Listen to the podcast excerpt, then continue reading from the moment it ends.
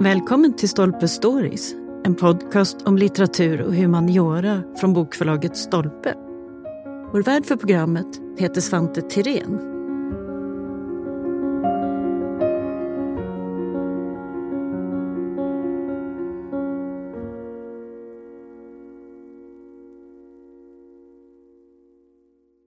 Gripen, även kallad Gripshunden, är ett 1400-talsvrak som gömmer sig i djupet utanför Stora Ekön i Ronneby skärgård. När man för några år sedan grävde ut vraket och hittade en grinande monsterfigur så fick det stor uppmärksamhet i media. För då som nu är de här gamla skulpturerna både skrämmande och fascinerande och de påminner om just bildernas betydelse i fartygens och skeppens historia. I boken Havets bildspråk skriver flera forskare om fartygsdekorationer från forntid till nutid. En av dem är Johan Rönnby som är professor i marinarkeologi vid Södertörns högskola. Han var också med när Gripens grinande stävfigur återsåg dagens ljus för första gången på flera hundra år. Ja, varmt välkommen hit Johan! Tack så mycket. Tack. Hur kommer det sig att det här med stävfigurer och galjonsfigurer är så viktiga föremål? Alltså galjonsfigurer är ju väldigt, väldigt stark eh, föremål. På något vis så kopplar vi till dem eftersom de, de du tänker på är de här som föreställer människor och, och personer. Så jag tror att det, det, det, kopplar väldigt starkt till oss när man ser dem på museer eller på där de är utställda. Det är lätt att relatera till. Det, det är lätt att relatera till det.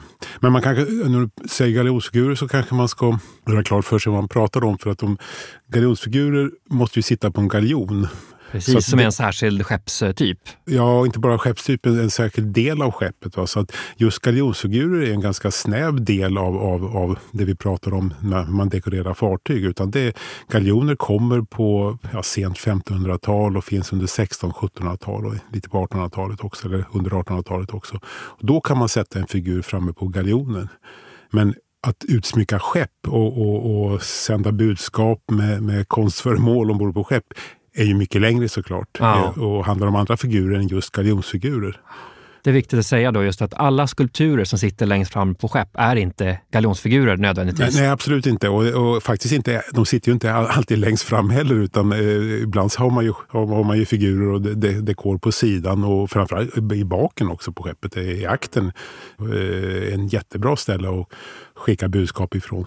Ja, man kan säga att skulptörer och konstnärer de har släppts lösa på lite olika håll vid fartygen. Ja, lite, faktiskt lite hur skeppen sett ut också. Vad det har varit mest lämpligt att ja, köra det här bildspråket. Ja. Om man tänker då skulpterad och målad utsmyckning på fartyg. Idag så kanske man ser det lite som dekoration så att säga, när man inte har det här ursprungliga sammanhanget klart för sig. Men vad fyllde de för funktion, de här bilderna? Mm. Frågan är egentligen jättestor om man pratar eh, historia rent allmänt. För att eh, det är såklart att det, vi pratar om massa olika samhällen och massa olika tider. Så att vi, vi har ju olika funktioner i olika sammanhang. Mm. Det är klart, pratar man krigsskepp så kan ju en figur vara en viktig del av ja, själva eh, strategin helt enkelt. Att man, man skräms, man, man, man ser till att folk blir rädda för en och då kan, vill man ha, symbolisera makt. Men ett handelsskepp kan ju vilja symbolisera att man är framgångsrik ekonomiskt, att man är en duktig köpman. Och, eller man kan skicka ett religiöst budskap, att man, man seglar under en viss gudoms beskydd. Så det finns faktiskt ganska många budskap man, man, man, man symboliserar eller skickar med sina bilder. Mm, de är kommunikation helt enkelt? De är kommunikation. Ja. Då, så, då, så att, sen kan den vara mera, mera manifest och mera latent, så att säga, mera tydlig. Men nog är det kommunikation, även, även om man inte är medveten om det så är det ju en viss form av kommunikation. Alltså det, ja, det, det är också alltid en bildtolkning, att det gäller att hitta de här, ja. Eh, de här sammanhangen. Mm. Nu ska vi röra oss bakåt i tiden till sena 1400-talet. Och det är väl så att många känner ju till kanske framförallt 1600-talet, va? Vasaskeppet inte minst och de här pampiga fartygen som ju myllrar med, med skulptur och så. Men om vi beger oss då till medeltid, sen medeltid här, skiftet mot den lite mer moderna tiden. Hur utsmyckade är fartygen på den här tiden? Man har ju en tråd av utsmyckning som alltså går längre tillbaka. Så att, men kan man ju bara tänka på vikingaskeppen och, och sina städfigurer. Och, eh, eh, under, även under medeltiden så förekommer det figurer, helt klart. Om man pratar senmedeltiden så har man träfigurer till en viss del, men man har också ganska mycket tyger och flaggor som man hänger stora lakan på sidan på skeppen med, med vapensköldar eh, avbildade och, och grälla färger och man har flaggor och banderoller i, upp, upp i masterna. Sen som du säger, så kommer man fram i barocktid så får man ju de här överdådiga, framförallt akterspeglarna på Vasa till exempel med, med figurer. Där har vi kanske också ett, något som inte finns kvar heller. Alltså skulpturerna kan vi ju hitta i förbluffande fint skick ibland på havsbottnarna, men textilen, den är väl i princip borta? Ja, alltså det, den är ju svårare att hitta men eh, jag har varit med och hittat faktiskt tygfragment på skepp som är väldigt gamla. Så det, det, är det som gör faktiskt undervattensarkeologi lite speciellt. Att vi har sådana väldigt bra bevaringsförhållanden under vatten så vi kan hitta även sådana saker. Man kan till och med hitta fragment av segelduk eller... Eh... Segelduk eller flaggor och sånt. Eller, eller klädesplagg såklart också. Men det här med sena 1400-talet då, eh, det är ju en tid som är kanske lite lösare i konturen. Om man tänker stormaktstiden, då vet vi att Sverige var på frammarsch om man ville hävda sig och sådär. Men 1400-talet, då är vi i slutet av Kalmarunionen. Mm. Vad är det som ska hävdas eller föras fram på fartygen här i, i Norden? Ja, det är ju en jättespännande tid. För vi pratar ju om övergången från det vi brukar kalla medeltid till den nya tiden. Alltså när, när, när den nya tiden börjar. Och det, det är en dynamisk tid i Europa. Det, vi, det, vi pratar ju om renässansen och, och, historiker brukar prata om state formation under den här tiden. Alltså den, den, moderna tiden börjar ju. Den globala tiden börjar under den här tiden. Man, mm. man upptäcker ju världen. Man börjar segla över, över världshaven. Så det är en jättestark tid, en förändringstid och väldigt, väldigt mycket av det som sen fortsätter fram till våra dagar eh, kör igång. Ja, så det är en, en, en, gränstid verkligen, en brytningstid när det här håller på att förändras? Det är en, det är en brytningstid och den här statsformeringen som sen kommer i Sverige med Gustav Vasa, den är full gång ute i Europa. Och Danmark är ju ett, ett, lite tidigare än Sverige. Alltså de danska kungarna är, eh, ja, de är 50 år tidigare egentligen när det gäller stadsbyggandet än det som sen Gustav Vasa gör i, i Sverige. Mm.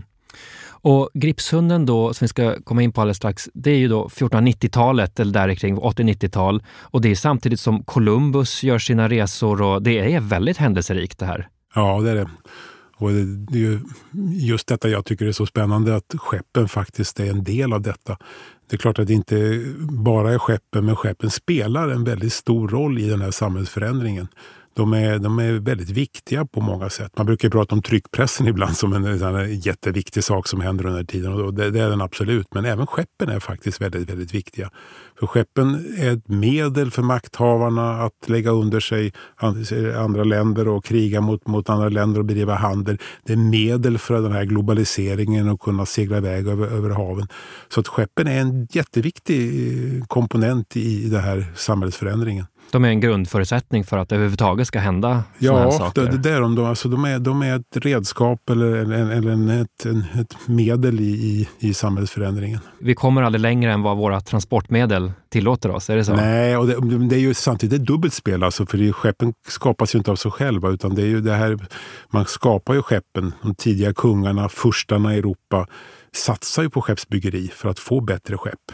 Men när man väl får bättre skepp så händer det grejer automatiskt. Va? Man seglar längre bort, man, man blir mäktigare och så vidare. Så det blir nästan som en spiral där. Man bygger bättre skepp, skeppen påverkar en så att man blir mäktigare och så bygger man ännu mäktigare skepp. Mm.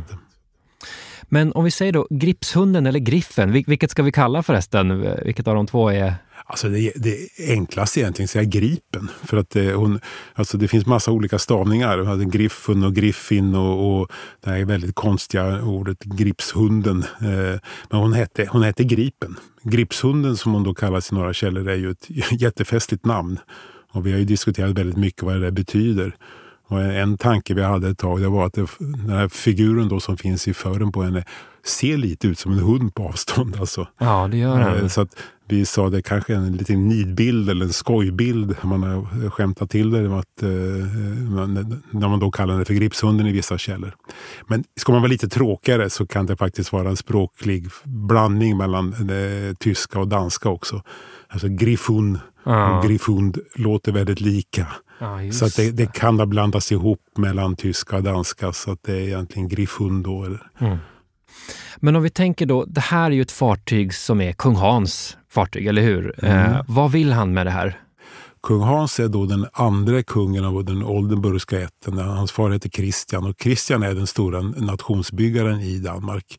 På många sätt, men ett sätt är han faktiskt också satsar på en flotta. Hans är den andra kungen, då, han, han, han, hans son då, som tar över riket. Och han, han bygger vidare på sin fars idé om, om en flotta. Han, han, eh, hans far börjar eh, bygga upp en flotta eh, och Hans eh, fortsätter den politiken med, med att skaffa sig fartyg. Och det, det, det, som är kul i det här sammanhanget och som är nog ganska okänt det är ju att Danmark är ju delvis en... en det är inte bara Östersjöherravälde man är ute efter eller att spöa svenskar utan man är aktiva ute på, på Atlanten. Alltså Christian har kontakter med, med med Portugal och då pratar man ju alltså om Henry Sjöfararens kaptener och det finns danska kaptener som seglar längs Afrikas kust i mitten på 1400-talet som är med på portugisiska skepp.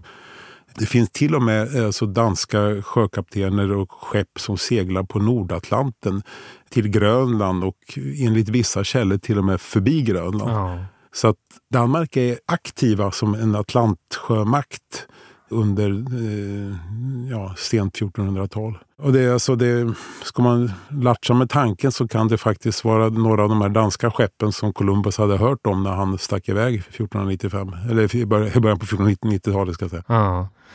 Men okej, okay, det är alltså en fortsättning av, han ska bygga ut helt enkelt flottan och befästa sin position här, både på Östersjön och på andra platser.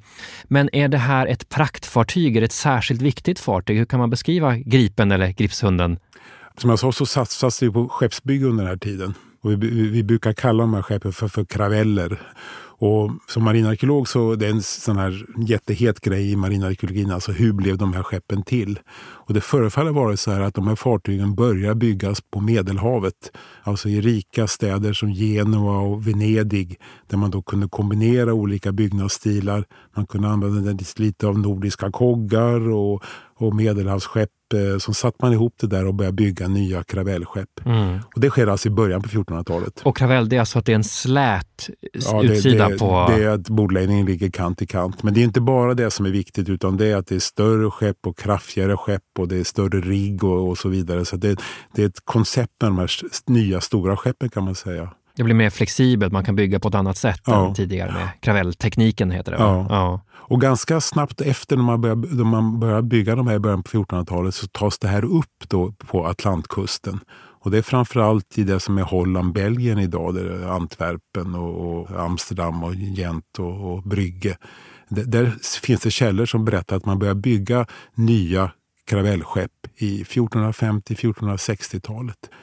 Och vi tror att Gripen kan vara ett sånt skepp. Alltså den här, man skulle kunna kalla det för andra generationers. Då. De första generationerna, de här medelhavsbyggena, så byggs det nya stora skepp uppe på Atlantkusten.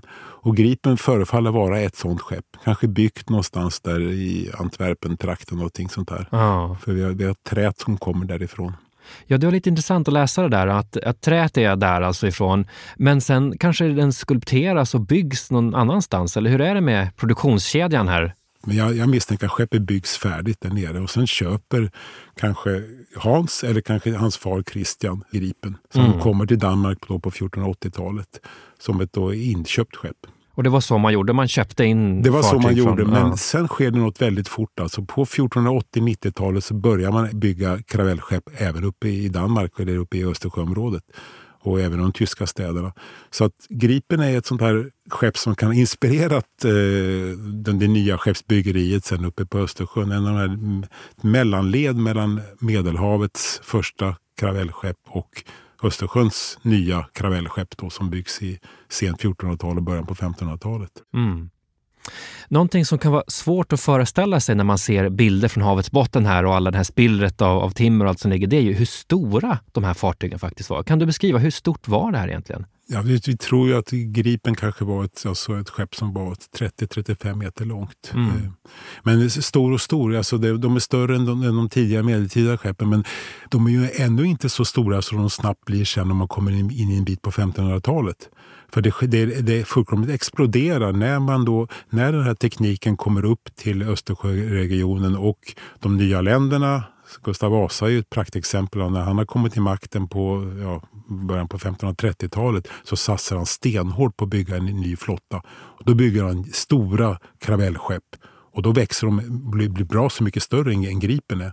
Så sen kommer ju Mars till exempel som är kanske ett av världens största skepp på 1560-talet så att Gripen är ett stort skepp, men det blir större.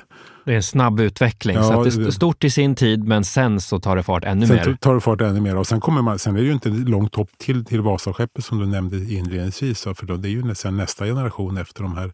Det, man kan ju säga att Gripen är vad blir det, mormor till, eller farfar, farfar till, till, till Vasa, eller farfars mm. far till, till, till Vasaskeppet. Så att, men är det lite som med bilens moderna historia, att det som man tyckte var snabbt i början av 1900-talet är idag väldigt långsamt? Alltså att man ändrar referenserna hela tiden för... Jo, Fast samtidigt så, alltså mycket av det här som kommer med det stora skeppet i då sent 1400-talet och början 1500-talet, det blir ju så som örlogsskeppen ser ut. Alltså jag, en, en sjökapten ända fram på 1800-talet skulle nog känt igen sig ombord på Gripen. Alltså man seglar på ungefär samma sätt. Man har en rigg som påminner om varandra. Så, så att det är snarare den teknik som då etableras under den här tiden som sen blir ganska dominerar ända fram till maskinskeppen faktiskt. Mm -hmm.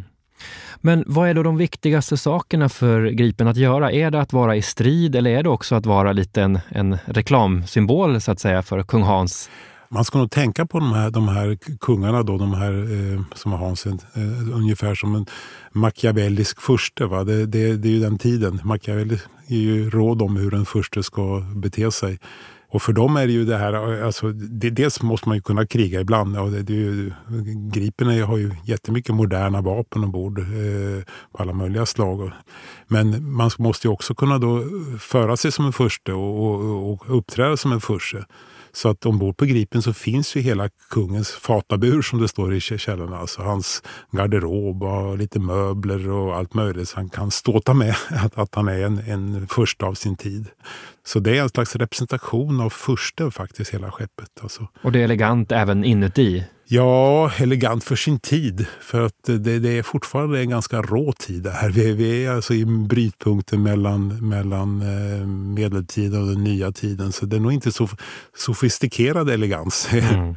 Eh, men ett förstadium till att det utvecklas mer? Ja, men om man kommer fram till barocktiden så blir det ju mera förfinad elegans och så vidare. Det här är nog fortfarande ganska rå, som sagt. Lite kanske skrytig rikedomstid. Alltså det, jag vet, Anders Enmark skrev en bok om Machiavelli och han skrev att det stod en stallukt runt eh, de här tidens furstar. Mm. Det tycker jag är ganska bra formulerat. Alltså man känner att, och det stod en, en stallukt delvis runt Gustav Vasa också. Så det, man kände de medeltida rötterna i, ja, ja, de här, kvar en, furstarna. En, en forntida känsla. Ja, de hade inte förfinat sen i sin maktutövning. Så att, Nej.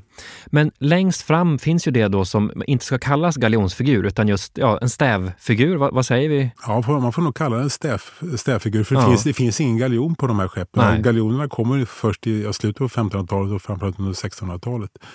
Så att eh, istället så sitter det ett, förkastell, va? En, liten, liten plattform kan man säga, som då var en, en del av krigsföringen. Så att figuren sitter precis under kastellet, sticker ut. Så att man kan ju tänka sig att det första ett fiendeskepp mötte var ju den här grinande monstret då som håller på att sluka en, en, en människa i munnen. Ja, för beskriv hur den ser ut. Det är ju det, en, en drakliknande eller monsterliknande... Det är en monsterdrake med massa vassa tänder urskurna i trät. Och sen är det en, en, ändå en, en, person som håller på att slukas av, av den här draken och ser ut att skrika i ångest över detta. Och det var den figuren då, en fiende, en, som jag tänker en lite lägre klinkbyggd Östersjöskepp som kom med och svenskarna kom med. Och de möttes av den här skrikande figuren. Förutom att de stod, då hade knäktar som stod ovanför och sköt armborstpilar på dem. Så att eh, där blev den ju en del av det psykologiska försvaret eller, eller anfallet. Eller... Ja, kan man kalla det psykologisk krigsföring? Kan ja, det, det, det, det, tror jag absolut det var. Det är en skrämselbild.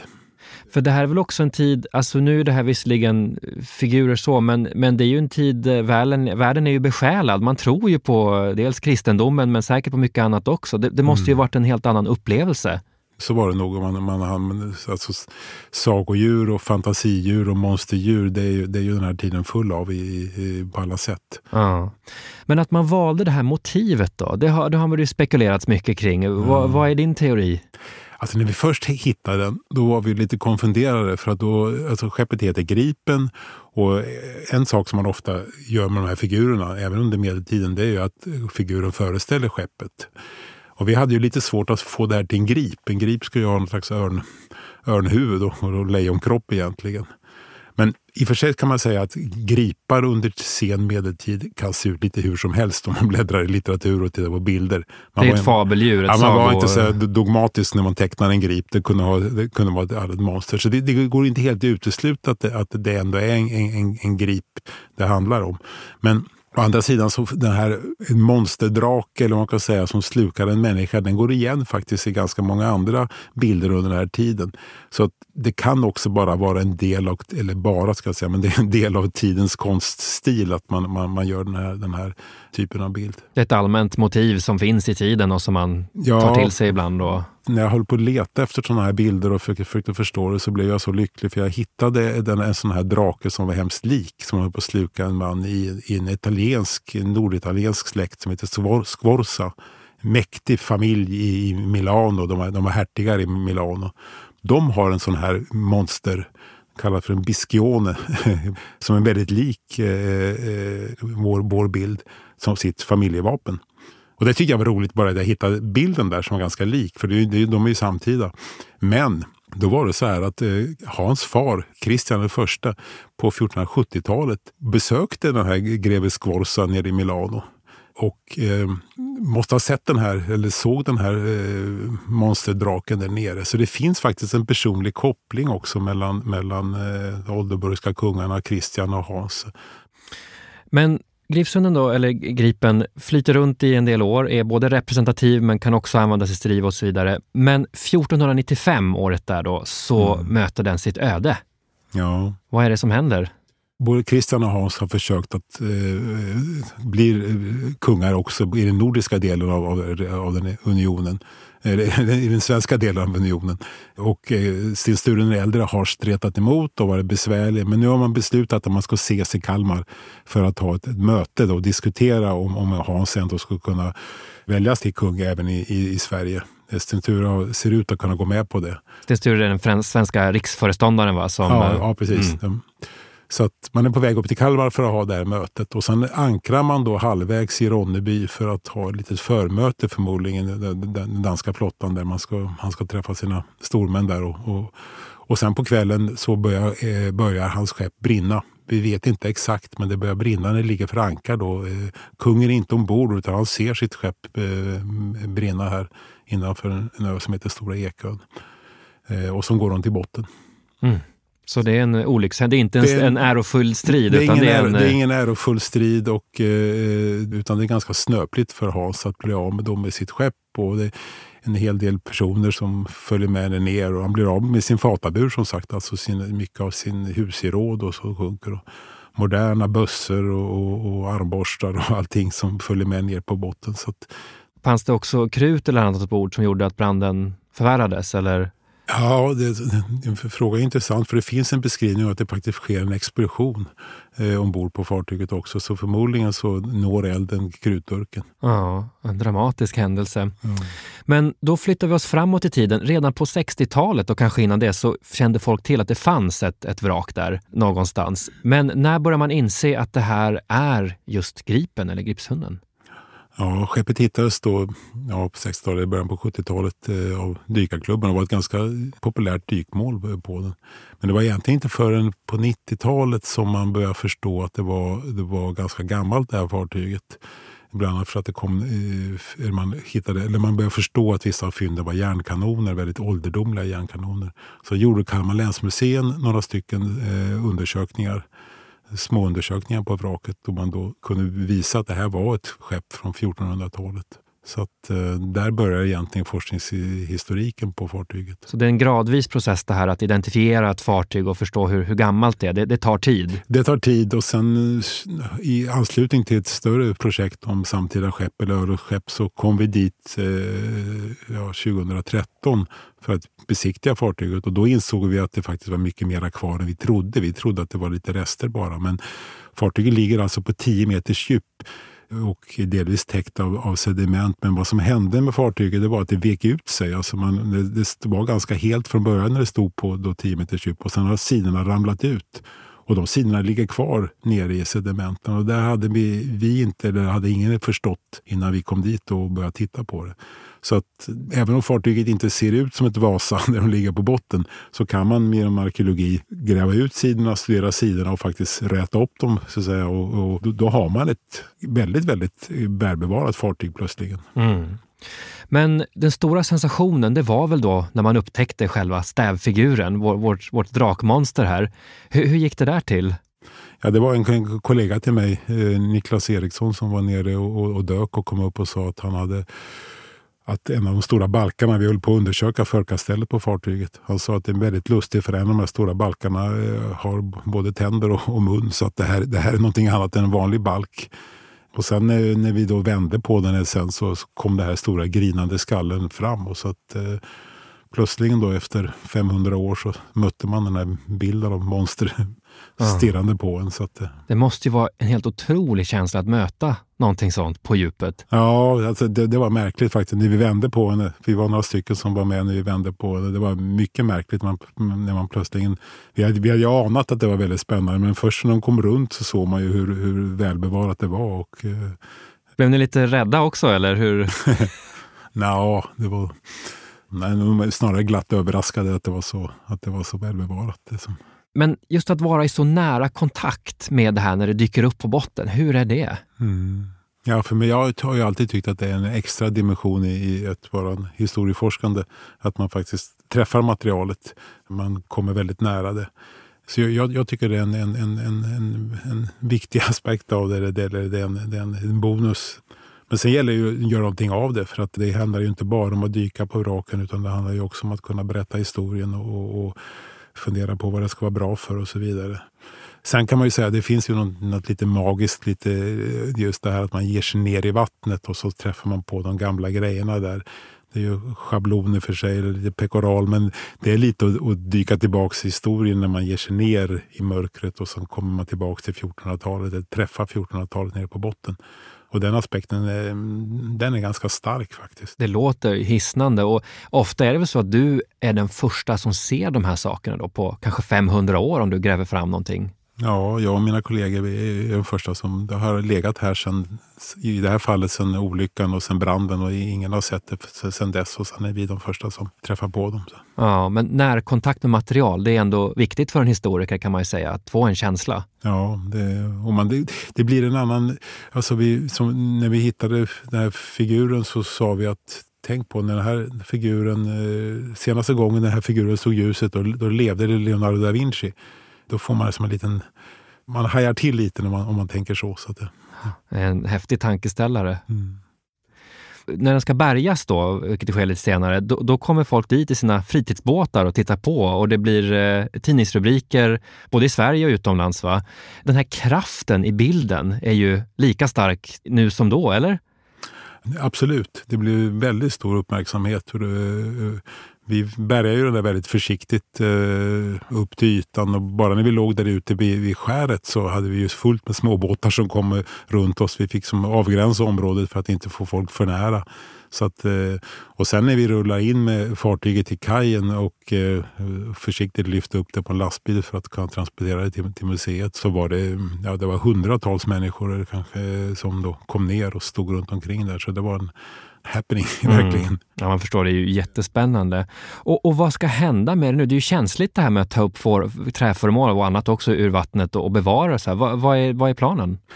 Det är konserverat redan. Det konserveras i Danmark faktiskt, på Riksmuseet i Danmark. Så att, eh, den kommer ju ställas ut. Eh, det finns planer i Ronneby på att ha ett Gripsundsmuseum i Ronneby, i, i Ronneby brunnspark. Mm. Där kommer den finnas till beskådan, förhoppningsvis då i, i framtiden. Ja, och tillsammans med andra delar från fartyget får vi väl hoppas. Ja. Och du forskar vidare och skriver artiklar och annat om? Jag forskar vidare och, och tillsammans med mina kollegor eh, viktig del av detta är ju det här historiska källmaterialet, skriftliga eh, källmaterialet. Och skeppet identifierades ju av Ingvar Sjöblom från början och eh, Ingvar är i högsta grad inblandad i det här också. Mm. Så det finns flera krafter som jobbar med att eh, det här ska bli en historia också för, för eftervärlden. Mm. Eh, boken då, Havets bildspråk, där du är en av författarna, den har vunnit flera priser, bland annat Svensk bokkonst och Publishingpriset också. Vad hoppas du att böcker av den här typen ska ha för betydelse i vår historieskrivning här och medvetenhet?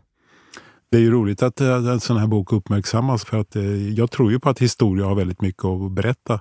Vi kan lära oss en hel del själva om, om vilka vi är och vad, hur vi beter oss genom historia. Och, eh, kan man då göra en fin bok som då eh, eh, folk blir intresserade av så är det ju sätt in i att kunna berätta vad jag tror man kan lära sig av historien. Mm. Så fler ingångar till det som egentligen handlar om kunskap om oss människor, eller hur? Ja, det handlar, det handlar, alltså i grund och botten så handlar det inte bara om historisk kunskap utan det handlar om allmän människokunskap. Och I det här vrakets fall och i Gripshundens fall va, så handlar det om hur materiell kultur är med och förändrar samhället. Alltså hur, hur är de här skeppen med och skapar den nya tiden? Och det är spännande och det är, ett, en fråga som är allmän generell faktiskt också. Mm, och ständigt aktuellt. Ja. Vi får hoppas att vi får komma och besöka det här museet någon gång också i framtiden då i, i Ronneby. Men till dess, stort tack för att du kom hit Johan. Tack, tack.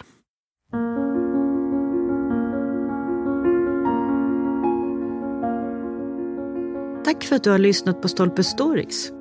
Missa inte att du som lyssnar har 20% rabatt på bokförlaget Stolpes titlar hos Bokus.com. Aktivera rabatten genom att ange koden STOLPE20. Och för att lyssna på fler avsnitt, följ oss där poddar finns och på sociala medier.